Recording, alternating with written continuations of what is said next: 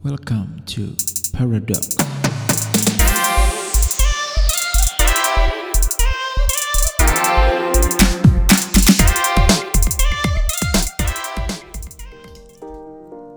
Oke oke guys, gimana kabar kalian? Ketemu lagi dengan gue Evan di sini dan tetap di channel Paradox.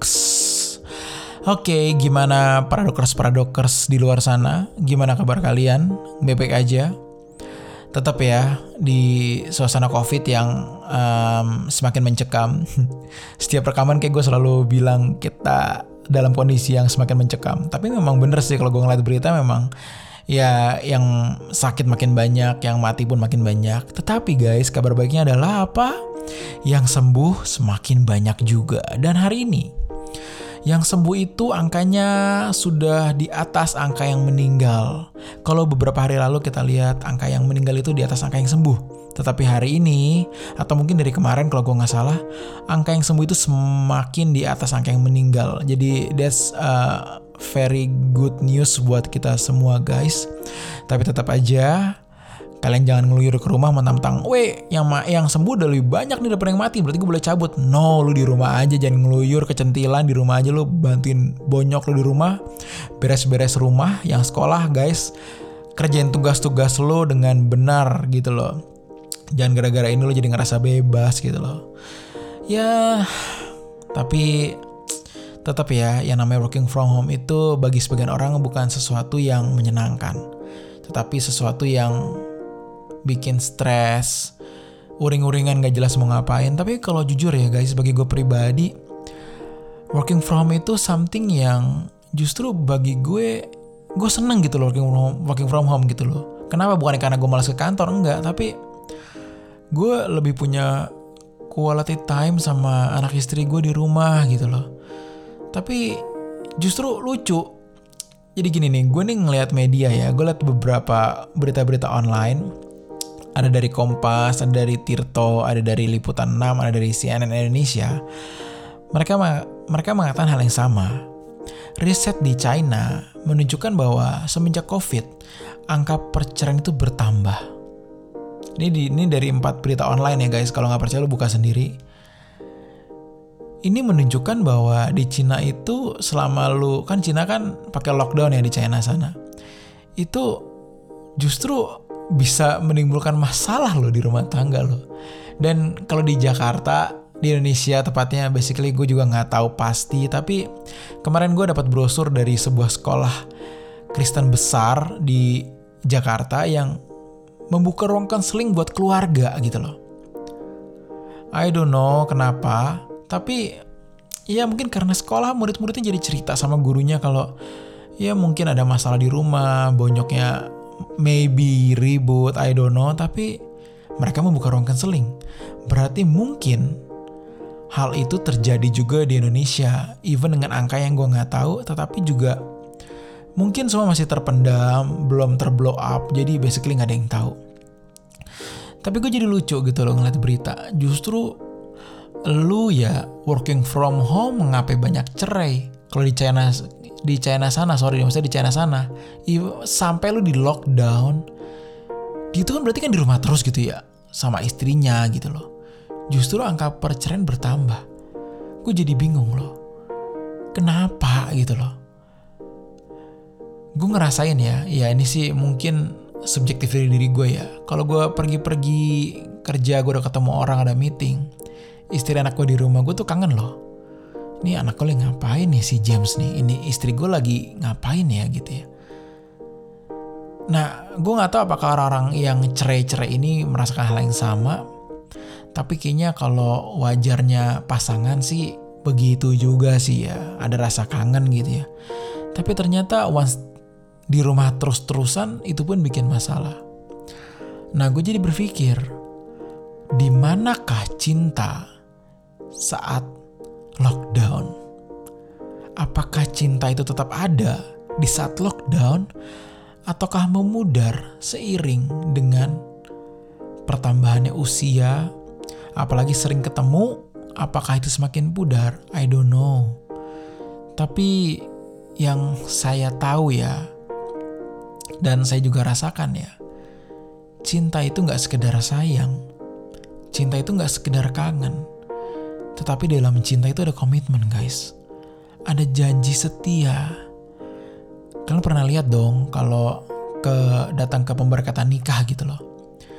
Kan pasti kan mereka ngebacain tuh janji nikah. Setia sampai mati dalam suka maupun duka, dalam keadaan susah maupun senang, dalam keadaan miskin maupun kaya. Dan janji nikah itu ya, ini rasanya sih kayak gue gak salah ya. Janji nikah itu kan sifatnya selamanya ya. Kan dikatakan sampai mati.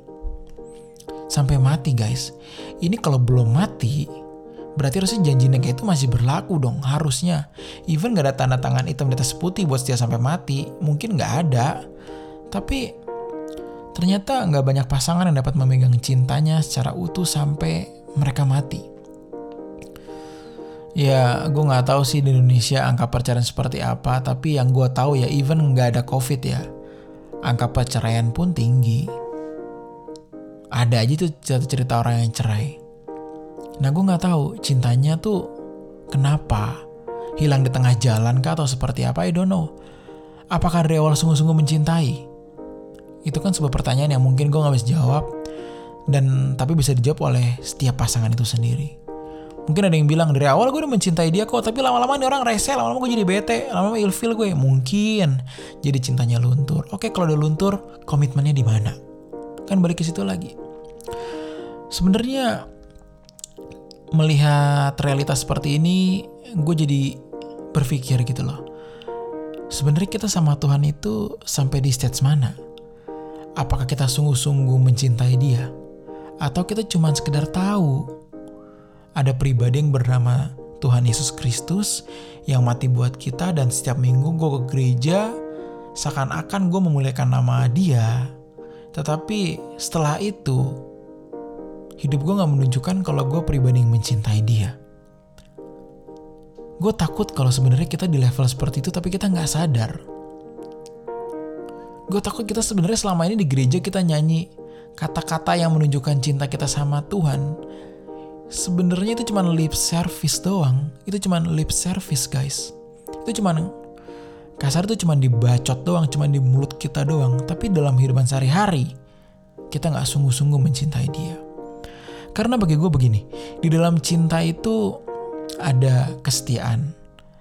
Di dalam cinta itu ada mengalah. Di dalam cinta itu ada mematikan ego. Itu semua udah menjadi satu. Dan dan melebur menjadi cinta gitu loh di dalam. Ya tadi ada rasa sayang ada rasa kangen tapi nggak cuma itu ada tapi ada rasa mengalah ada komitmen ada kesetiaan. Suatu melebur menjadi cinta. Kalau bagi gue cinta sih seperti itu ya. Tetapi kalau kita mencintai Tuhan harusnya kita bisa sampai di level kita nggak bisa memiliki diri kita sendiri. Karena tadi dalam cinta itu ada rasa mengalah dan kita ingin membuat berbuat apa pun yang membuat orang yang kita cinta ini ngerasa happy. Sama seperti kita dengan Tuhan. Apa yang kita lakukan kita pikirin nggak? Tuhan happy nggak dengan apa yang gue katakan? Tuhan happy nggak dengan apa yang gue lakukan? Kita berpikir begitu nggak? Kalau kita nggak mikir begitu berarti lo nggak mencintai dia. Orang Tuhan cuma terlintas di pikiran lu satu sedih doang atau satu ketakutan malam ada setan. Kalau enggak, belum tentu Tuhan itu terlintas di pikiran lu. Di Galatia 2 ayat yang ke-20 dikatakan begini, Namun aku hidup, tetapi bukan lagi aku sendiri yang hidup, melainkan Kristus yang hidup di dalam aku. Tuh, Kristus yang hidup di dalam aku. Satu ayat lagi, 1 Korintus 6 ayat yang ke-20. Sebab kamu telah dibeli dan harganya juga telah lunas dibayar. Karena itu muliakanlah Allah dengan tubuhmu kita harusnya mencintai Tuhan sampai di titik kita bisa ngomong gini, Tuhan, apa pun yang kau lakukan, aku cuma ingin menyenangkan engkau. That's it. Mungkin aku belum tentu happy dengan apa yang kau lakukan, tapi aku happy kalau kamu happy Tuhan. Tuh, itu baru cinta guys. Jangan sampai lu selama ini cuma sampai di titik kenal doang. Tapi lu gak sungguh-sungguh memberikan hidup lu untuk pribadi ini kan lucu dan satu sisi pun mengerikan. Jangan sampai kita cuma berada di stage kenal, tahu, tapi bukan berarti kita mencintai Tuhan. Sama seperti waktu Tuhan berkata di dalam Matius 7 ayat, ayat 23, waktu Tuhan bilang, Nyala kamu hai pembuat kejahatan. Tuhan ngomong gini buat orang-orang yang ngusir setan berdung buat sama bikin mujizat. Nyala kamu hai pembuat kejahatan. Aku tidak mengenal kamu. Ada kata kenal juga di sini. Tapi kata kenal di sini menggunakan kata ginosko dalam bahasa Yunani-nya. Jadi gini guys, dalam bahasa Yunani itu ada ada dua kata kenal. Yang pertama itu eido, yang kedua adalah ginosko. Eido itu artinya kenal secara knowledge. Tuhan nggak mungkin nggak kenal nama kita. Orang rambut kita jatuh aja Tuhan tahu kan begitu. Tapi di sini menggunakan kata ginosko yang berarti aku nggak menikmati hidup kamu. Aku tuh nggak. Jadi ginosko itu knowing by experiencing, mengenal karena perjalanan begitu loh. Jadi Tuhan ngomong apa? Lu boleh ngusir setan, lu boleh bikin mujizat, lu boleh bernubuat, tapi ya gue kasih tau lu ya, gue tuh gak menikmati hidup lo. Nah, kalau kita sungguh mencintai Tuhan, Tuhan pasti bisa merasakan cinta kita sama Tuhan. Sama kayak kalau lu punya pacar, lu pasti tau lah pacar lu tuh beneran sayang sama lo apa enggak. Pasti lu tahu. Gak mungkin lo gak tahu. Lah, Tuhan pun punya perasaan guys. Tuhan pun tahu kita sungguh mencintai dia atau enggak. Tuhan pun harusnya tahu loh. Lah, kita harus menyadari hal ini loh. Kita harus membuat Tuhan dapat menikmati cinta kita. Dan hal itu hanya dapat dilakukan bagi orang-orang yang juga mencintai dia. Kalau kita nggak mencintai Tuhan, Tuhan nggak mungkin merasakan cinta kita. Ya bener dong, pasti akan begitu. Jadi sebenarnya begini loh, kan judul um, episode kita kan bercerai nggak selalu salah. Maksudnya adalah begini, untuk mencintai Tuhan kita harus bercerai dengan dunia, karena manusia nggak bisa mengabdi pada dua Tuhan. Kalau kita ingin mencintai Tuhan, berarti kita masih ceraiin dunia. Kenapa? Karena selama ini kita kawin sama dunia guys. Lu nyaman banget sama dunia, lu happy banget sama dunia, tapi lu nggak mikirin perasaan Tuhan yang lo pikirin adalah apa? Perasaan lo sendiri. Dan ketika lo mikirin perasaan lo sendiri, itu sama aja. Kayak lo mencintai dunia. Basically sama aja. Nah, kita harus bisa meninggalkan dunia. Kita harus bercerai sama dunia. Cut off dari dunia. Dan kita bergerak untuk mengasihi Tuhan secara benar. Karena itu gue bilang apa? Bercerai nggak selalu salah.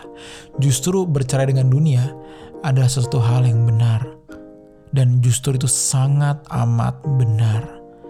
Jadi jangan ragu guys untuk bercerai sama dunia. Dan biarlah Tuhan merasakan cinta kita kepadanya. Setiap hari, setiap apa pun yang kita lakukan, kita melakukan untuk kesenangan Tuhan. Dan kalau kita one day pulang dan kita ketemu Tuhan, kita pasti akan menatap wajah Tuhan dengan tanpa rasa takut. Justru kita senang. Dan kita ngomong apa? Tuhan, I'm coming home. Aku pulang Tuhan. Oke para dokers, selamat berjuang. Salam paradoks.